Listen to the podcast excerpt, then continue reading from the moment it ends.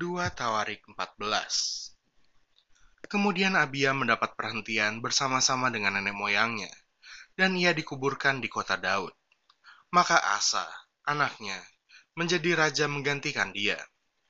Pada zaman pemerintahannya, negeri itu aman selama 10 tahun.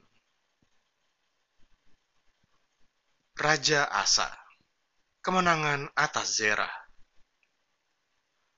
Asa melakukan apa yang baik dan yang benar di mata Tuhan, Allahnya. Ia menjauhkan mesbah-mesbah asing dan bukit-bukit pengorbanan, memecahkan tugu-tugu berhala, dan menghancurkan tiang-tiang berhala. Ia memerintahkan orang Yehuda supaya mereka mencari Tuhan, Allah nenek moyang mereka, dan mematuhi hukum dan perintah. Ia menjauhkan bukit-bukit pengorbanan dan pendupaan-pendupaan dari segala kota di Yehuda dan kerajaan pun aman di bawah pemerintahannya. Karena negeri itu aman, dan tidak ada yang memeranginya di tahun-tahun itu. Ia dapat membangun kota-kota benteng di Yehuda. Tuhan telah mengaruniakan keamanan kepadanya.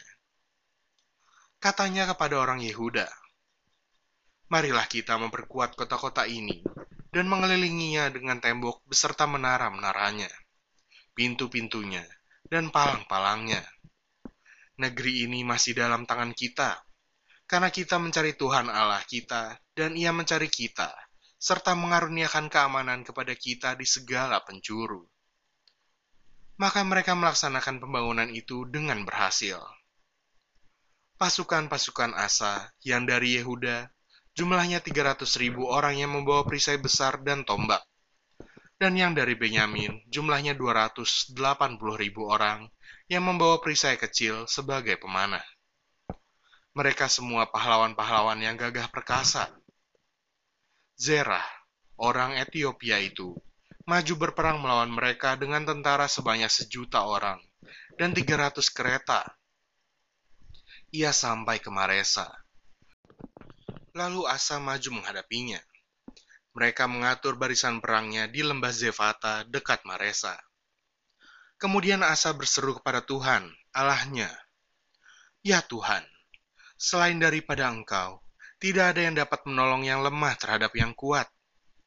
Tolonglah kami ya Tuhan, Allah kami. Karena kepadamulah kami bersandar, dan dengan namamu kami maju melawan pasukan yang besar jumlahnya ini. Ya Tuhan, Engkau Allah kami. Jangan biarkan seorang manusia mempunyai kekuatan untuk melawan Engkau dan Tuhan memukul kalah orang-orang Ethiopia itu di hadapan Asa dan Yehuda. Orang-orang Ethiopia itu lari, lalu dikejar oleh Asa dan laskarnya sampai ke Gerar. Dari orang-orang Ethiopia itu amat banyak yang tewas, sehingga tidak ada yang tinggal hidup, karena mereka hancur di hadapan Tuhan dan tentaranya. Orang-orang Yehuda memperoleh jarahan yang sangat besar mereka mengalahkan semua kota di sekeliling Gerar, karena ketakutan yang dari Tuhan menimpa penduduknya. Mereka menjarahi semua kota itu, karena jarahan yang besar terdapat di situ.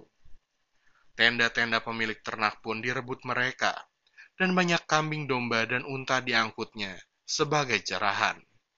Lalu mereka kembali ke Yerusalem.